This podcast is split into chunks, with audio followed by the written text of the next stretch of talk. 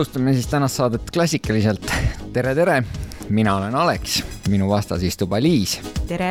ja meil on üks väga huvitav saatekülaline täna. meiega istub siin, meie vahel istub siin Väino Lensment, Tihemetsa MTÜ äh,, Tihemetsa motoklubi direktor.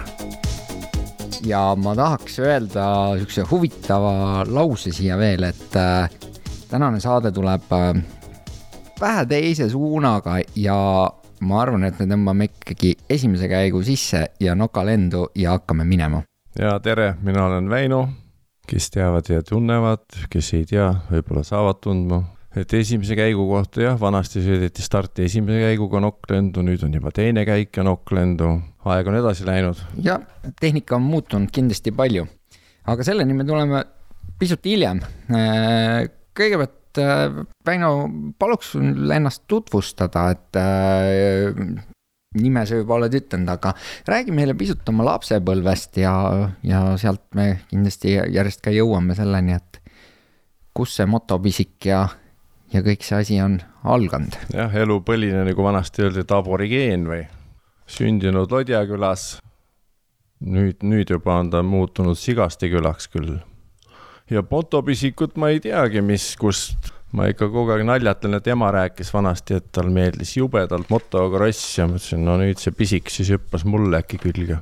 ja nii ta seal hakkasimegi Ludja külas kõigepealt punnvärridega, tegime oma külapoistega mingi pundi isegi tegime tal nimetuse Lodja Krossi klubi LKK oli see aeg mingi embleemid, värgid tehtud kõik. esimene asi oli muidugi isa jalgrattaga, kui ma sealt pulga alt suutsin jalgrattaga sõita, see oli esimene väga suurt õnnestumine. vanasti sõideti niimoodi, et jalg pandi kuidagi üle pulga alt läbi ja siis vändati seal ratas.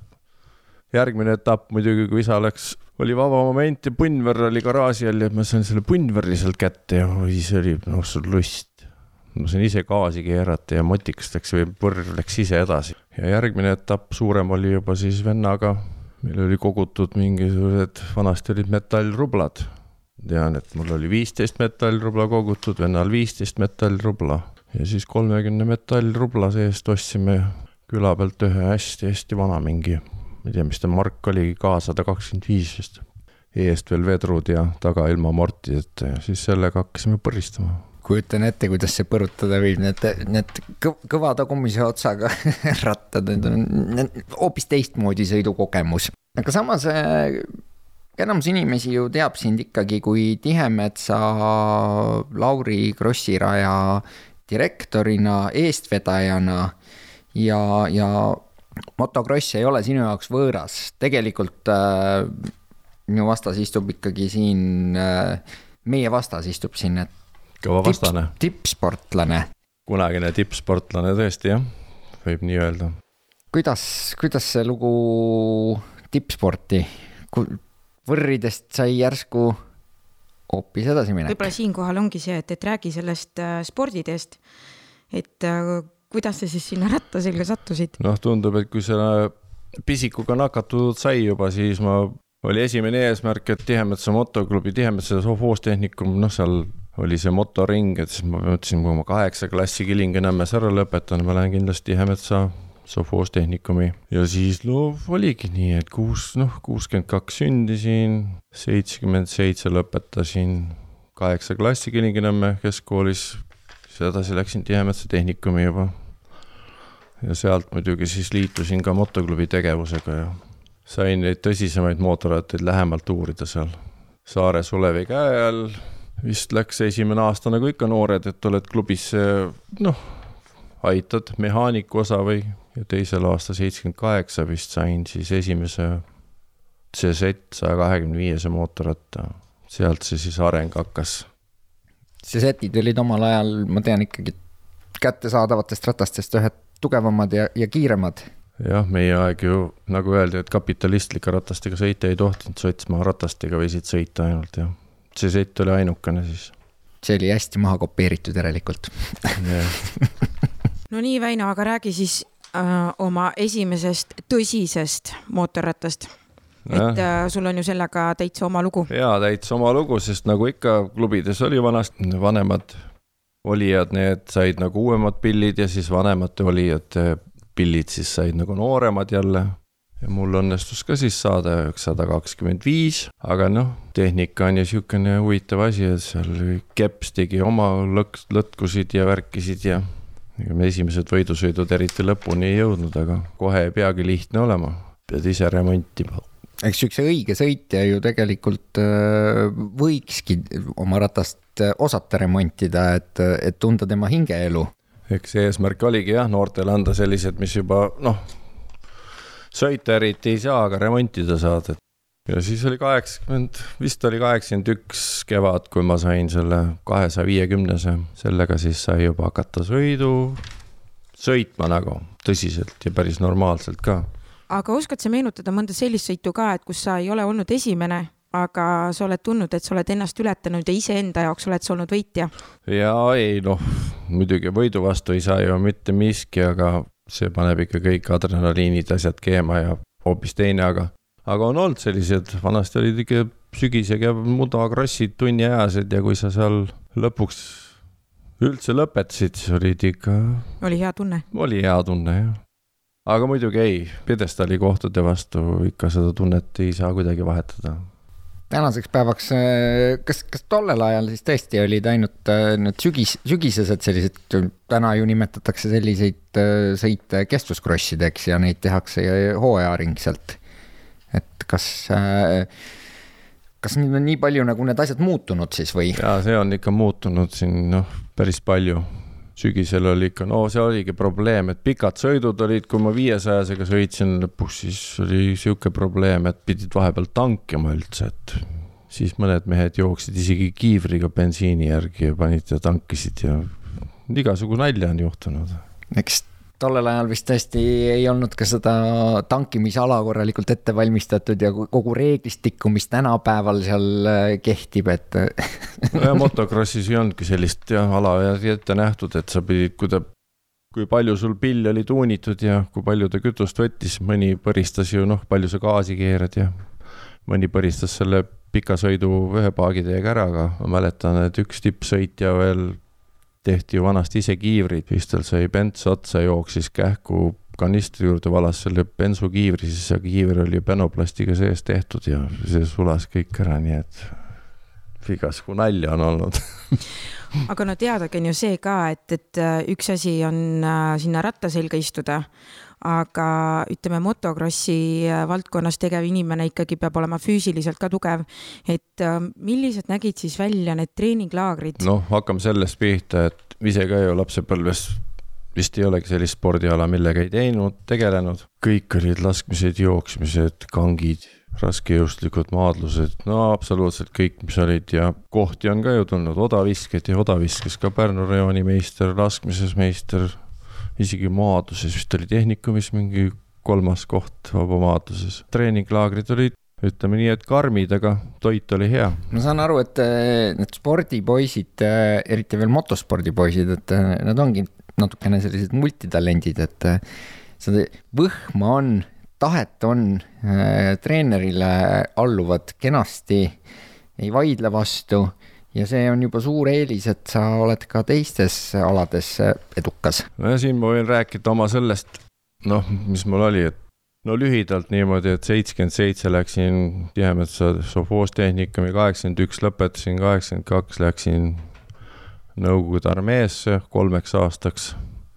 Läksin Kaliningradi spordiroodu ja isegi spordiroodus, seal olid kõik selle NSV Liidu eliidi noh, kõik sportlased, aerutajad, olümpiavõitjad, kõik olid seal, me olime koos, siis. Ma mäletan, kui üks vabamaadleja, ka vist maailmameister oli pärast, ütles, et milleks teil nagu võhma on vaja, seal on noh, meil olid antud seal hinge kinnihoidmised vee sees ja kätekõverdused ja no karmid, karmid reeglid olid, et ma olen mootorrattaga sõitnud küll, et miks teil seda vaja on no.. siis viisime ta korra sinna treeningule kaasa, andsime talle kahesaja viiekümnese lihtsalt proovida ja sõitis selle ühe ringi läbi ja ütles, et mis mehed siuksed olete, et noh, ta oli nii küpse selle ühe ringiga juba, et kuigi ta pärast tuli vabamaatuses maailmameistriks, armeenlane oli. see, see tõesti nii on, olen, olen isegi proovinud ja et äh, kui sa arvad, et äh, asfaldi peal, et oh, nii tore on sõita, tuul vihiseb ja mine sõida see üks ring, siis mõtled hoopis teistele asjadele kui vihisevale tuulele eks see võib-olla ongi see võlu, et sa võitled iseendaga ja oma füüsisega ja, ja mootorrattaga ja, ja kui kõik läheb nagu korda ja ja kui sa saavutad veel koha ka, siis noh, tunned, et oledki nagu elus midagi teinud ju, tõsist tööd. mulle meeldib see mõte, mis praegult kõlama jäi ja, ja niivõrd positiivse mõtte pealt. kas oleks äkki mõistlik kuulata üks äh, muusikalugu? teeme seda. on leiutajad palju ära, et kergemaks meil muutuks elujärg on vikatid ja sirvid kadunud ära ja kadunud on hobune ja härg. künna, künna, künna, äesta väetan, künna, künna kive koristan. künna, künna, künna, äesta väetan, künna, künna saaki koristan maa parandajad maad on parandanud ja soid on muutnud vilja kandvaks maaks on aretajad sorte aretanud, et üha rohkem saaki salve saaks. künna, künna, künna, äesta väeta, künna, künna kive korista. künna, künna, künna, äesta väeta, künna, künna saaki korista.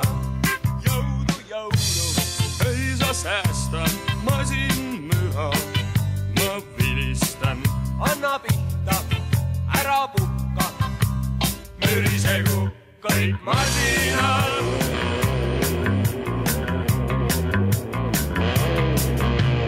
lõpeb põllul masinate müra, on endistviisi raske leivatöö. ja üles tuleb tulla väga vara ja tihti mehe põllul leiab öö. künna, künna, künna, päästab väärta, künna, künna kive koristab. künna, künna, künna päästab väeta, künna, künna saaki koristab. jõudu, jõudu. ei saa säästa, masin elab,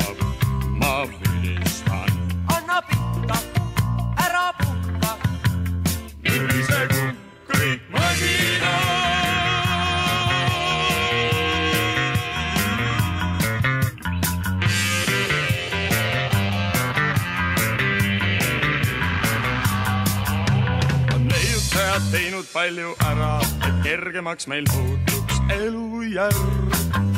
on pinsi peale jäänud vana mära, mees masinaga murrab tööd kui härr.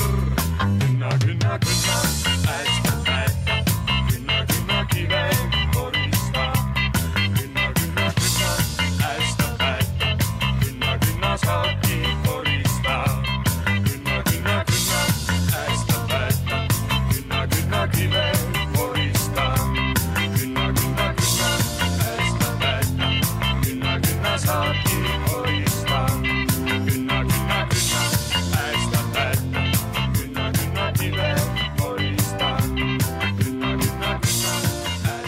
muusikapala on nüüd siis kuulatud ja jätkame vestlust.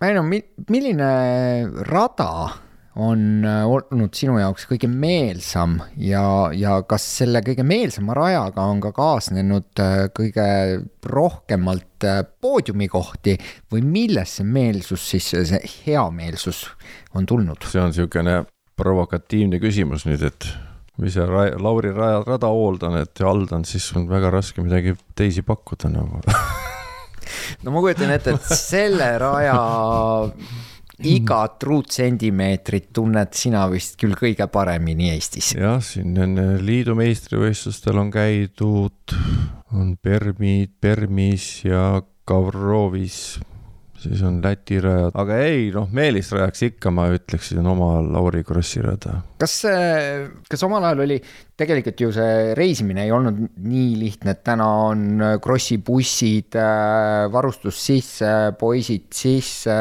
tüdrukud, noh, see on läinud ikkagi ka juba naisterahvaste seas ülipopulaarseks, et mm, tollel ajal ei olnud, et need liidurajad olid ju alati selline, ma eeldan, et kerge sihuke m- noh, üllatus. jah, ma võin sulle öelda, et üks oli küll ekstreemne minek NSV Liidu meistrivõistlustel Talikrossis oli Gavrovi minek, siis oli niimoodi, et me noh, algul ei olnud nagu, et ütles, et Eesti tiim välja ei lähe, aga siis ma olin tööl ja, ja mingi aeg tuli kõne, et tiim läheb välja, et võta kähku asjad ja mootorrattad lähevad masinatega, ise me peame minema kähku lennuki peale ja siis tõmbasin kähku kodus siis oma krossi koti ja saapad ja kiivrid ja niimoodi lendasingi siis panin Moskvasse, seal jooksime jälle järgmise rongi peal oma kuradi kompsudega ja siis saime Gavrovi, no see oli nagu üks ekstreemne minek jah. aga tulemused? isegi ei mäleta, aga mitte midagi head ei olnud talikrossil. kaheksakümmend üheksa oli Põhja-Osseetia pealinnas, Ortsonikidze oli ta siis jah, mingi aastaga muutus see linn. kaheksakümne üheksandal oli Ortsonikidses NSV Liidu meistrivõistlused, sealt tulin pronksiga tagasi, tuhat üheksasada üheksakümmend, siis juba oli see noh, imed ja muutumised ja kõik, siis muudeti ta juba Vladikavkaziks ka Põhja-Osseetia, seal ma siis sain treeningul trauma, varbaluu või mis ta, põialuu või kuidas ta nimetatakse, sain sellest seal lahti, kolm päeva oli sõitu ees veel, suutsin ära sõita, õhtul külma vanni jalg, öösel jalg üles, hommikul teibiga kinni, jälle külma vette, saapa jalga sain ja ja sõitsin need sõidud ära ja lõpuks oli ka lõpukross, mille veel ära võitsin selle ühe jala peal põhimõtteliselt ja no siinkohal võib-olla olekski nagu, nagu mõte küsida, et äh, kõik ju krossisõitjad teavad, et äh, vigastused käivad ju selle ala juurde, et kui palju sul neid vigastusi üldse olnud on? no kross on sihuke ohutu ala, et see pole palju, rangluu ja sõrmeluu ja käeluud ja sääreluud ja paar peapõrutust ka, nii et ei, midagi ei mitte midagi hullu, ma Ei saan aru, midagi ja, hullu. ja. aga täna sa küll ise ju ei tegele aktiivselt öö, selle spordiga, seda, sa, sa, edendad seda sporti, et aga sa näed igapäevaselt seda kõrvalt, et äh, kui palju on äh, motosport muutunud ajas, ma pean just sil- silmas sellest, kus sina alustasid ja, ja mis täna toimub no.? noh, üks on kindel, et nõrkade ala ei ole ja. see on siis jäänud ikkagi algusest saadik, et see on, kui sul ikka tahtmist või jõudu ja visadust ei ole, siis sa ei saa seal kuidagimoodi. sõidad kaks ringi ära ja siis on sul käed nagu noh, meie öeldakse, käed lähevad pakuks või kinni, nad lähevad nii. noh, ei käi veri ringi ja siis on seal midagi teha pole, lenksust enam kinni hoida ei jõua. aga muidu on suures laastus noh, kiirused on teiseks läinud, mootorrattad on ju teised. suur asi, mis kiirust on, amortisaatorid aga põhi, et sa tööd pead tegema, vaeva nägema, see on jäänud. kui nüüd äh, minna tagasi sellesse aega, kui teie võistlesite. noh, minul on üks, jah, mitte üks, on, on, on mõni uunikum mootorratas, et sinna tahaks tegelikult paaki valada hea meelega seitsekümmend kuut. täna on meil kõige madalama oktaani arvuga on üheksakümmend viis mil-, millega tollel ajal mootorrattad sõitsid, mis kütusega ja mida sinna lisati, noh, kahetaktiline tahab loomulikult õli, see on ilmselge, aga oli veel mingeid trikke? nojah, trikke oli, sest meil polnud ju kahetaktiline, nagu teada, tahab ka seguõli ikka saada, mida saada polnud, on ju see aeg, siis käisime ikka lennuväljalt, oli õnneku, õnnestus hankida seda.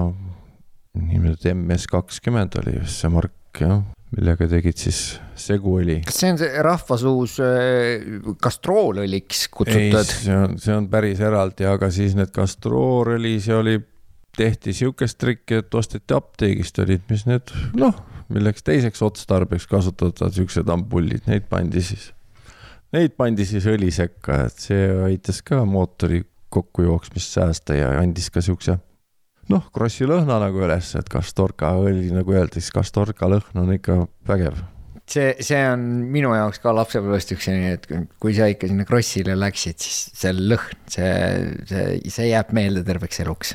ja aga omal ajal veel, kui me nüüd räägime sedasama, et mis on nagu, oli siis, kus sina sõitsid äh, ja mis on täna, et äh, suur oli teil meeskond, kas äh, me ennem juba rääkisime, et said kõige kehvema ratta põhimõtteliselt, pidid ise seda remontima.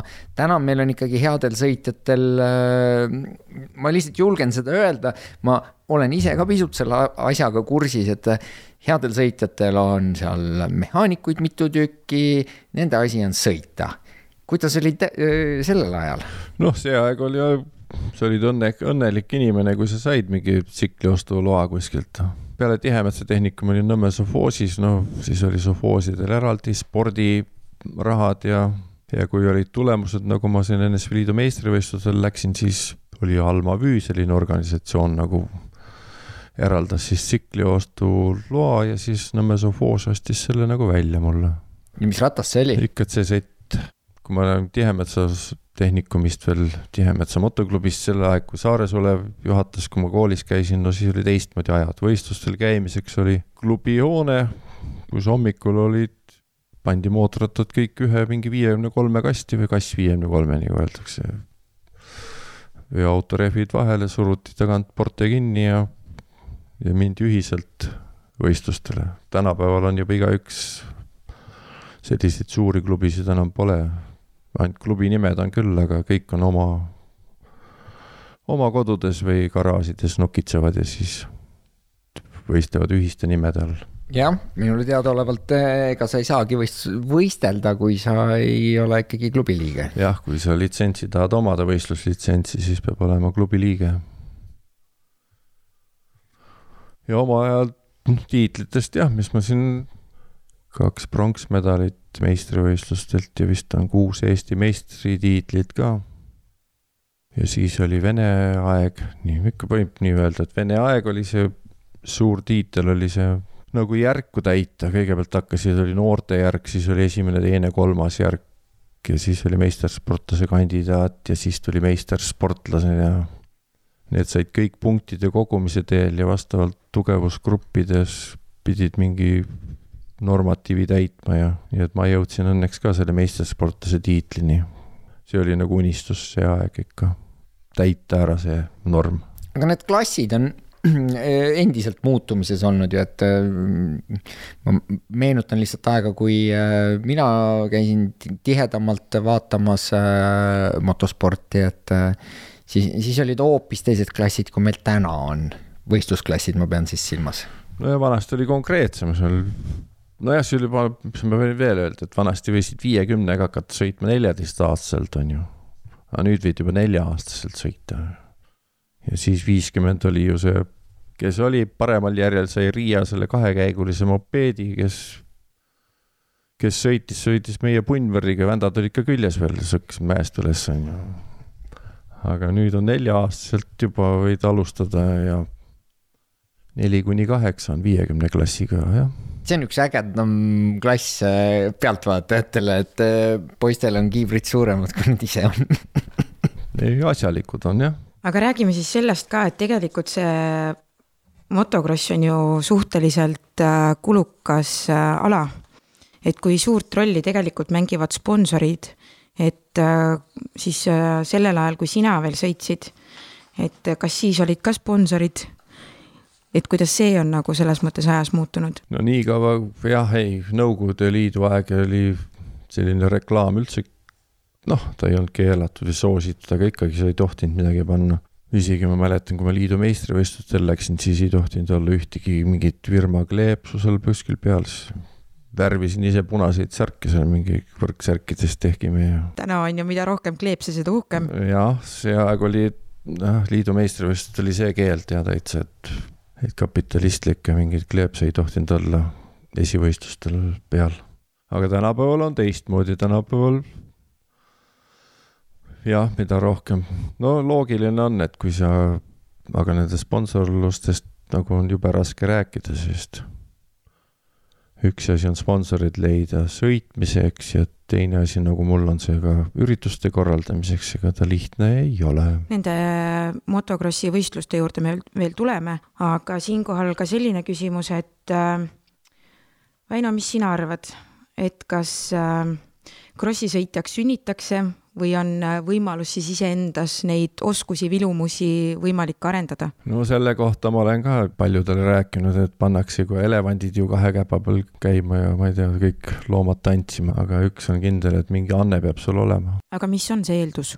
eelduseks on ikka see, et sa ikka pea ikka töötab mõistuskohas, on ega see ainult gaasi keeramine seal sind kaugele ei vii. tuleb ikka kallutada ka, eks ole. üks kiire ring, see võib lõppeda sul kuskil ja no aga Mujal. siiski mingisugust julgust sa pead ju omama. no sellest ongi, et kaine mõistus peab ikka säilima. see parem käsi, nagu öeldakse, gaasikäsi ja see, mis seal selle kiivri all on, see ajukeskus või see peab ikka koostööd tegema, kui seal mingi lahkheli tuleb, et gaasikäsi keerab nagu ühtepidi ja pea mõtleb teistpidi, siis finišisse ei jõua.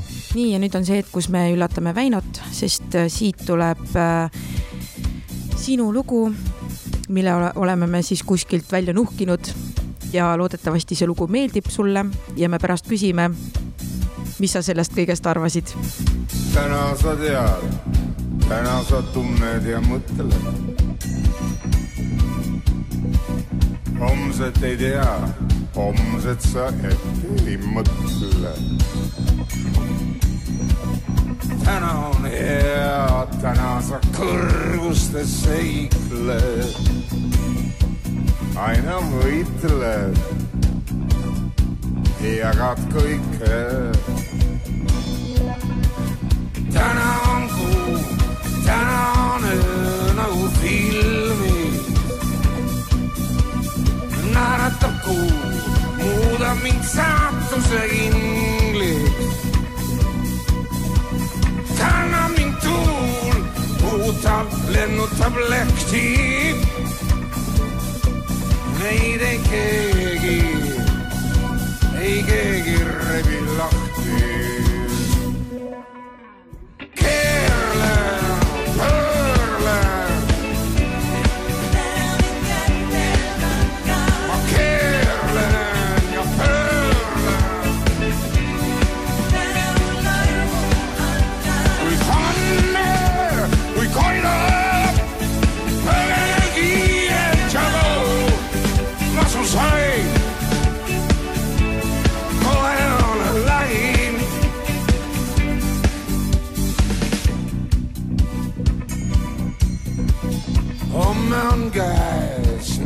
Midagi ees sind ei oota. lukustad end, lukustad end oma tuppa. tundub, et seal kus veel eile nii hea ei toonud õnne. vajutunne, näed mind jälle.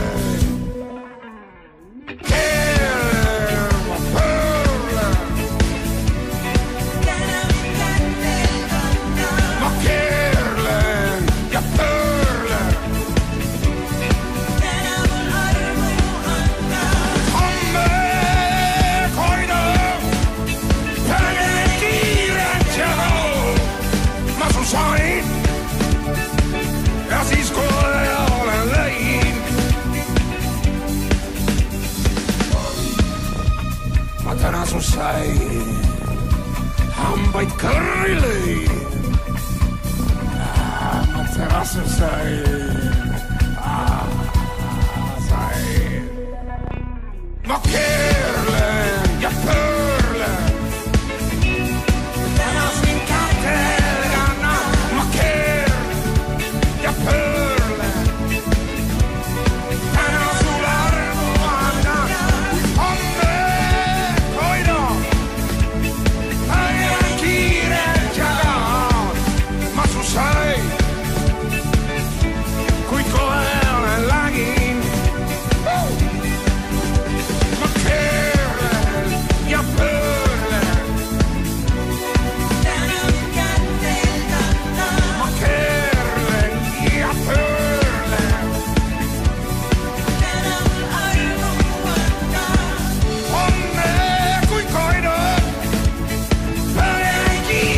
nii, kuidas lugu meeldis? lugu oli küll hästi valitud teil, kas üllatas? üllatas. see lugu sai ka ju, see on nii värske lugu küllaltki, noh, nii-öelda, et kui ma seda lugu kuulsin, see hakkas kohe kummitama ja no näed, aitäh teile, kus välja nuhkisite. ikka nuhime, see on meie töö. no nii, Väino, siin ennem sai öeldud, et äh, sa oled ju Tihemetsa MTÜ ja Lauri Krossiraja eestvedaja. et räägi sellest äh, MTÜ algusloost, et äh, kuidas ja missuguste jõupingutustega sa tegelikult oled siis tänasesse päeva jõudnud? jah, kui päris algusest rääkida, siis minu esimene kontakt oli vist seitsmekümne kaheksandal aastal, kui ma Tehnikumis olin, kui Saares olev nagu saatis meid poisse sinna treenima. see aeg oli seal ainult see saja kümne kilovoldine elektriliin, kõrgepingeliin ja siis kaks sovhoosi põldu ja siis keskelt läks üks tee läbi ja seal olid kahel pool nagu sihuke noh, nagu ikka, et kus tee metsa läheb, seal on prügimäed ja mingid objektilt suured kivid. praegu on see vaateplatvorm selle koha peal, kus oli vanasti prügimägi ja need on kõik ära maetud mul. ja siis ma olin ise sõidumees, Saares Olev, Ilus Jaan. Need ajasid neid asju, siis mina käisin abis neid kastmas, värk tegemas. kuni sinnamaani, kui kaheksakümmend kaks sõjaväe läksin, kolm aastat olin ära sõjaväes, kaheksakümmend viis tulin. siis hakkasin seal vaikselt nagu ise kujundama.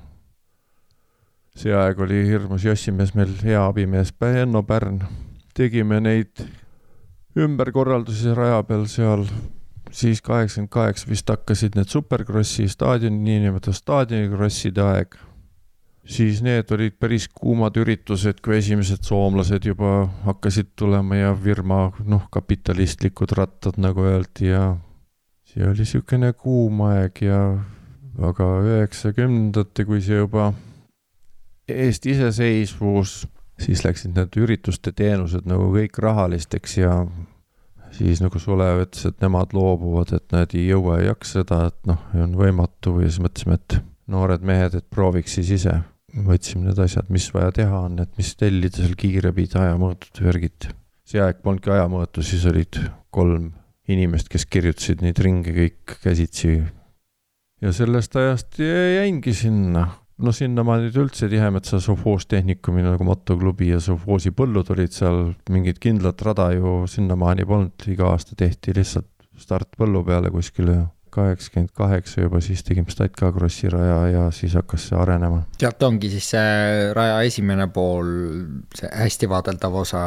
nojah, aga see on ka veel seal sada korda ümber tehtud ja tohutud mullad kanditud siia-sinna no täna, täna me võime ju öelda, et tegelikult äh, siis äh, motokrossiga tegelejad äh, hindavad seda Lauri Krossi rada ju väga kõrgelt, see on üks hinnatumaid radasid Eestis.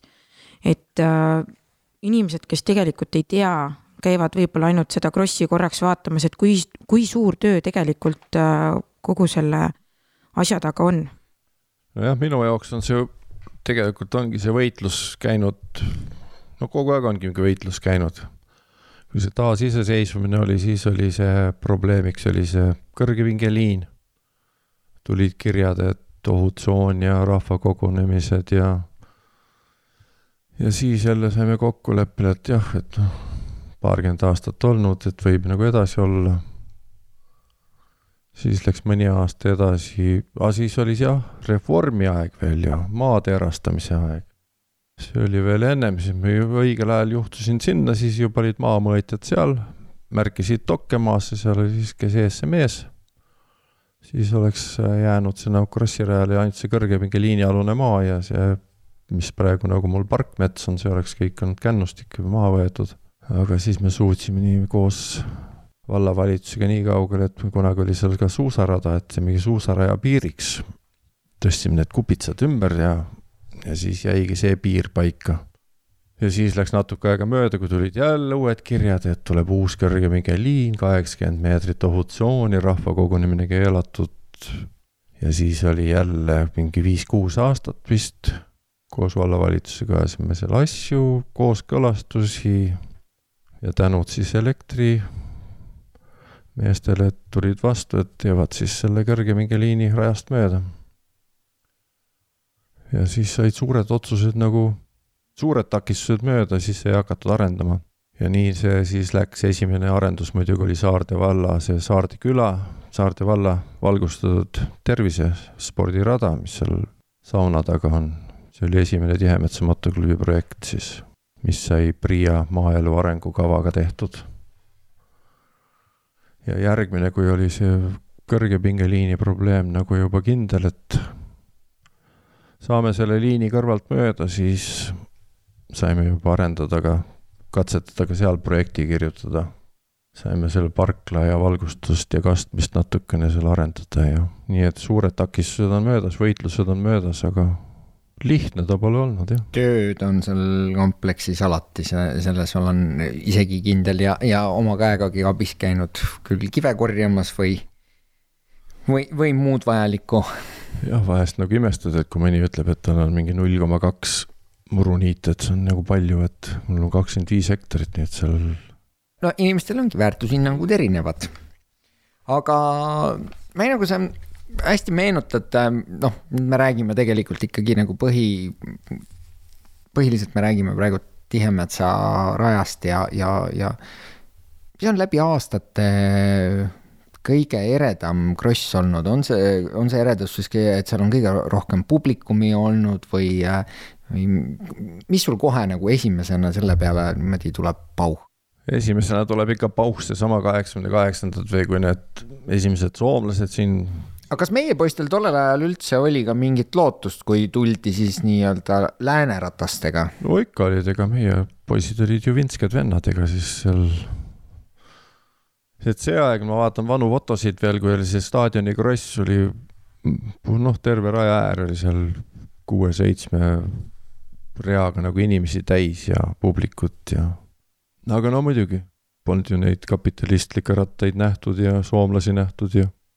Ma mäletan oma episoodi, kui oli Haljala kross veel ka mingi üheksakümnendates, seal ma olin ainukene viimane CZ-i mees siis, aga ja kõik olid seal joonel siis firmaratastega.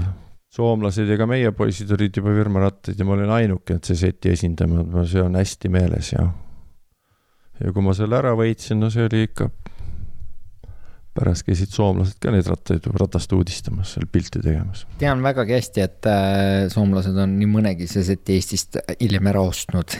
oi, vahem, jah. Need on huvitavad rattad.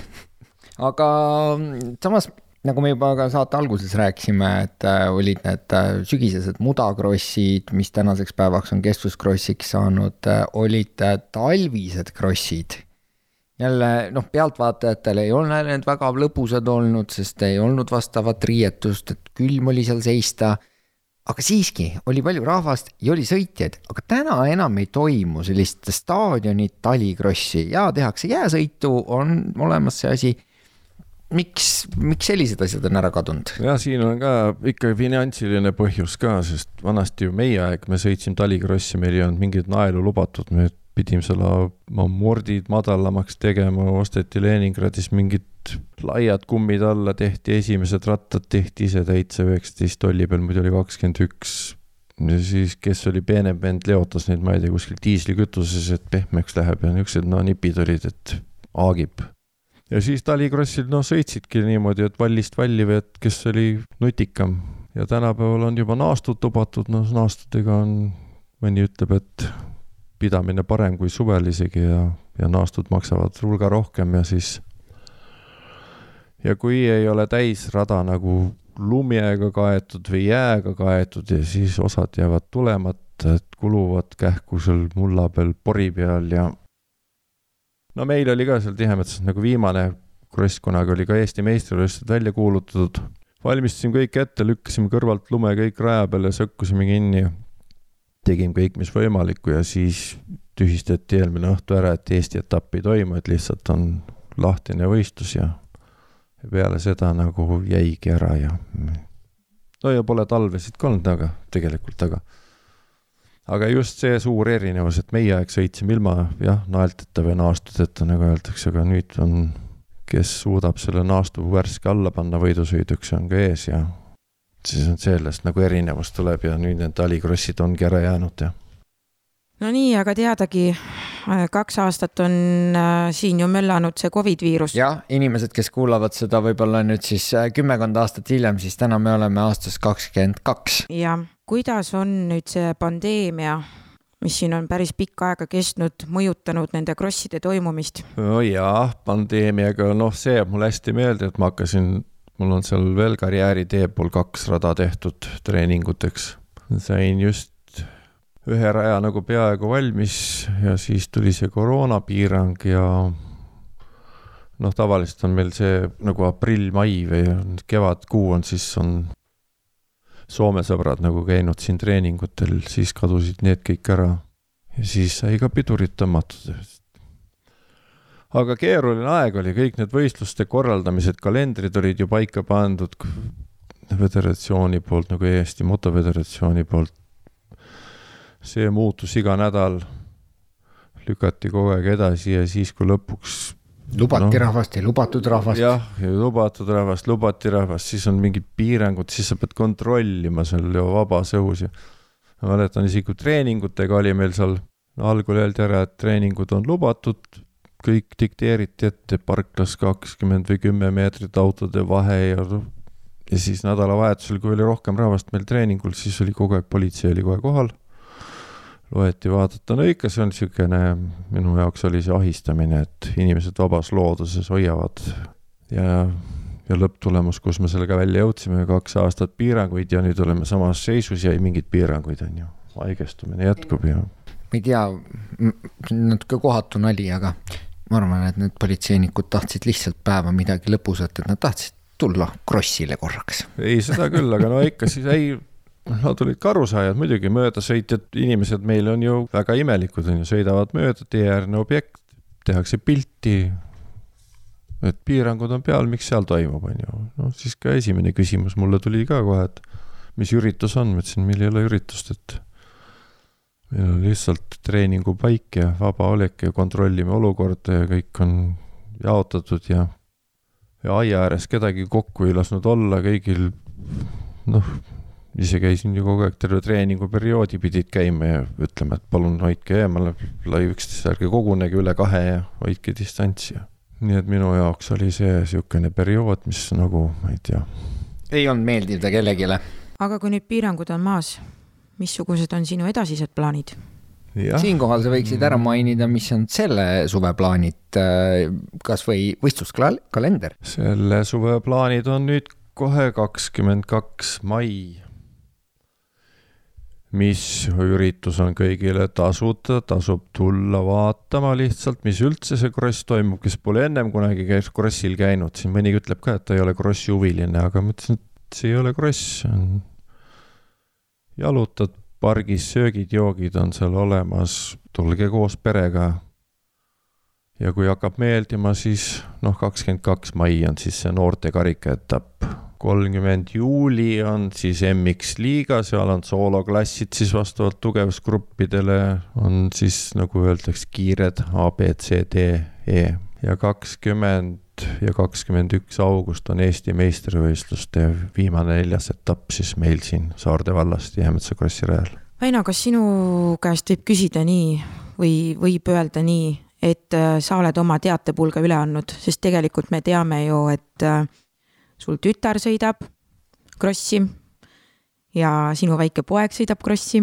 jah, siit nagu ennem oli, et kas see on and-, noh, sünni, sünniga kaasa antud või ma ei tea, siis vahepeal mõtlesin, et see on vist äkki verega nakatuv mingi nakkushaigus.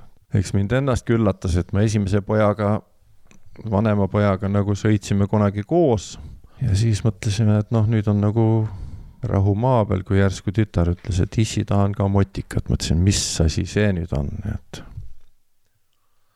ja siis oli veel jah, tüdruk, Lisanne sõidab, tehnika on kõik käes, tipp-topp, mulle meeldib vaadata tema sõidustiili ja siis on nüüd järgmine see kuueaastane väikepoja, kes tegi ka eelmise aasta lõpus üllatuse mul, kui esimese võidusõidu tegi selle väikse viiekümnesega, et kui tuli kolmandale kohale juba, nii et vist on vist on ikka selle verega nakatumine. aga Lisanne ei sõida ju ometi Cezetiga? ei sõida ja Lisanne sõidab ikka Husqvarna mootorrattaga. nagu tänapäeval neljataktised ja tipptasemel mootorrattad. aga kui me nüüd äh, räägime veel sellest kompleksist, et see kogu see Tihemetsa motoklubi kompleks seal, nagu sa ütlesid, et on see ülemine suurrada, põhirada, võistlusrada, all veel kaks treeningrada, et äh, tohututes tonnides, kuupmeetrites mulda läbi aastakümnete siiapoole, sinnapoole. Kive tuleb sealt alati välja, alles eelmisel aastal võistluste aeg tuli ajakava muuta, sest oh üllatust, tuli tõesti korralik rahn jälle. kas see kompleks üldse saab kunagi valmis? no ja nagu sa ütlesid, et tonnides jah, seal on kive ja kände ja tonnides ja ma ei tea, kõik asju on seal ei, praegu tundub küll, et ei saa valmis. omal ka nagu aastad tiksuvad peale, mõtlesin, et kiirustaks, et äkki saaks valmis midagi, et üle anda, aga tundub, et vist süües kasvab isu ikka tahaks teha. sest praegu on ka ju kaks, nojah, selle kohta võib öelda, et kaks korda ja Eesti Hobikrossi klubi vist viis läbi selle Eesti parima krossiraja küsitluse ja siis kaks aastat valiti Tihemetsa Lauri krossirada ikkagi paremaks ja valmis saamisega ja. see on nagu Tallinn. seal on vaja ikka veel teha, tahaks Väino, teha. nüüd on niimoodi, et äh, unista suurelt, eks ju, et äh, ütleme niimoodi, et sa saad meilt praegu lotovõidu. see on küll väike, noh, nii-öelda sellise no, suure kompleksi jaoks, aga eh, kui me tõstaks täna kohvri lauale või, või teeksime ülekande, et selle kompleksi jaoks on viiskümmend tuhat eurot raha.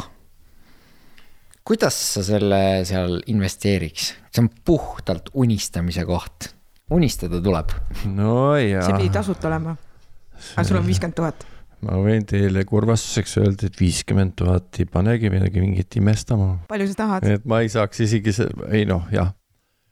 unistuseks on muidugi, praegu ostan neid vanu TT seitsmekümne viitesid ja nagu rahvakeeles josse seal, aga no ideaalis oleks muidugi üks ekskavaator, kopp tänapäevane, üks tänapäevane buldooser, aga noh, see jah, need maksavad juba seal üle saja ikka. aga viiekümne tuhande eest oleks tehnikapesuplats kindlasti ja siis need selle kompleksi peahoone ümbrused ja kõik on ju kevadel muda, pori, kõik oleks vaja teha. teistmoodi pinnast sinna natukene me oleme suutnud terve saate tegelikult äh, tänasest äh, suurest aktuaalsest teemast täiesti kõrvale hiilida, viilida, aga kuna sa nüüd just ütlesid ka veel seda, et, et see raja hooldustehnika on, on sellist vanemat moodi. kas tänane olukord, mis äh, Ukrainas toimub, palju varuosi ju tuli nendele masinatele sealt, kuidas see sind mõjutanud on?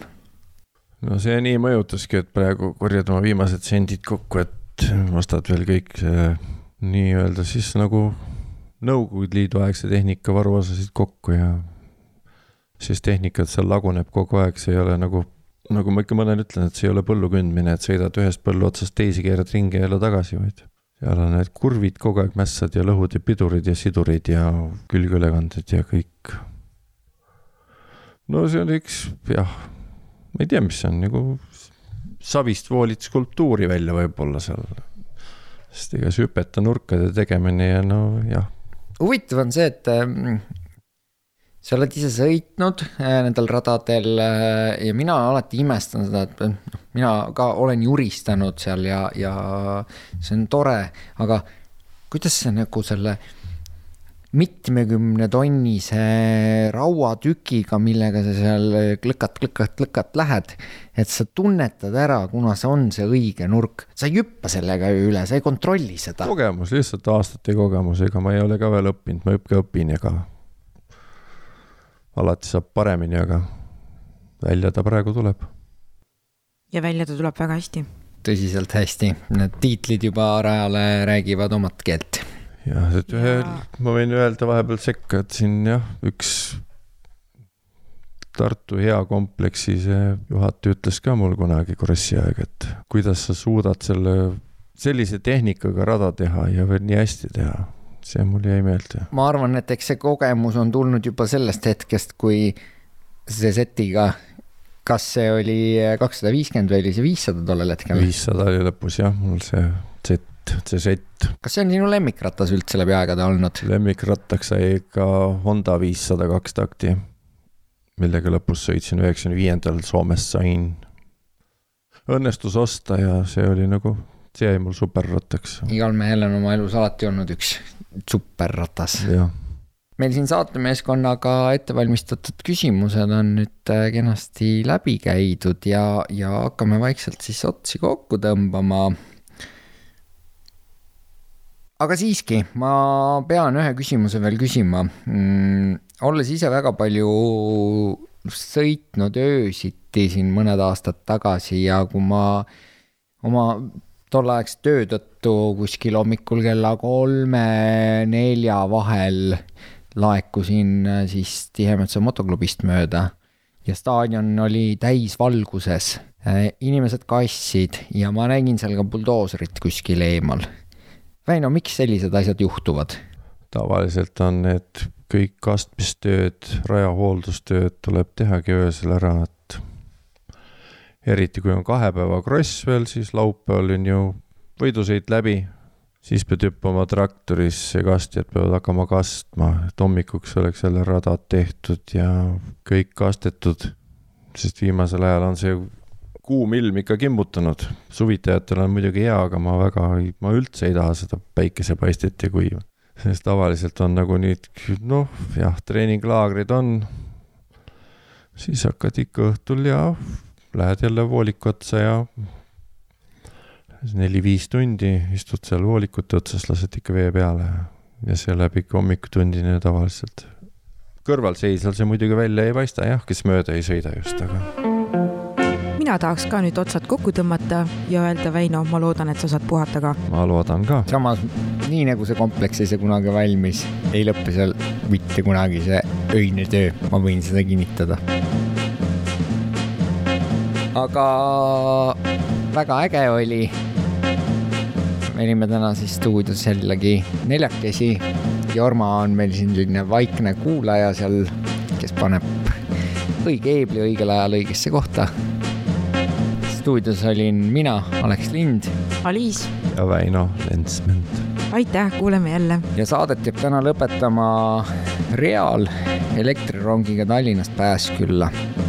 aasta oli kuuskümmend kuus ja esitajateks on Tallinna Reaalkooli poisid. kodanikud reisijad, elektrirong Pääskülla väljub kolmandalt teelt kell kakskümmend kolm ja kolmkümmend minutit. Patsile Pääskülla sõitma pidin külla, kokku nii lepitud sai. jooksuga jaama ma jõudsin nii hilja, kassas mul käimata jäi. akna alla platsi ma sisse sain võtta, ajalehed lahti siis lõin. palju hääli ukse kohal ragisema hakkas, hoolega kuulama jäin. kodanikud reisijad, järgmine peatus Lilleküla. kõrvalpingil istusid auväärsed härrad, jutt auto hindadest käis. aga otse vastas mul kaks kena neidu, kõik neile peatuma jäin.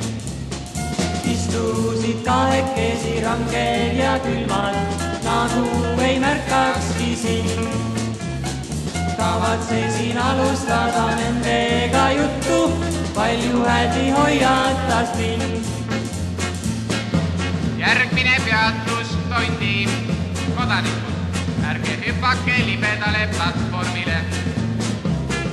palju hädi lõpetas, uks läks äkki lahti, südames külmaks mul lõi. Rahvas hakkas nihelema taskutest tuhkist, saatust ma ootama jäin. vajusin kühmu ja tegin, et magan, seisma ta kõrvale jäin. kõrva äärest kuulsin siis palju häälset juttu, paarien piletid davai. kodanikud reisijad, järgmine peatus Hiiu. kodanikud, sisenege vagunisse ja väljuge vagunist ainult uste kaudu. juhtuski nõnda, et viimased rublad kontrolör endale sai. aga sest rahast mul polnudki kahju, kaaslased endale said sõitsime kolmekesi, puusime juttu, sõit nõnda meeldivaks sai. Räägitud sai ära siis, et homme saame kokku, palju hääli ütles siis nii. lõpppeatud Pääsküla. nii sõitsin ma elektrirongiga ja rahvas ka elektrirongiga ja kontrolliga, elektrirongiga ja neiuta, elektrirongiga, nii sõitsin ma elektrirongiga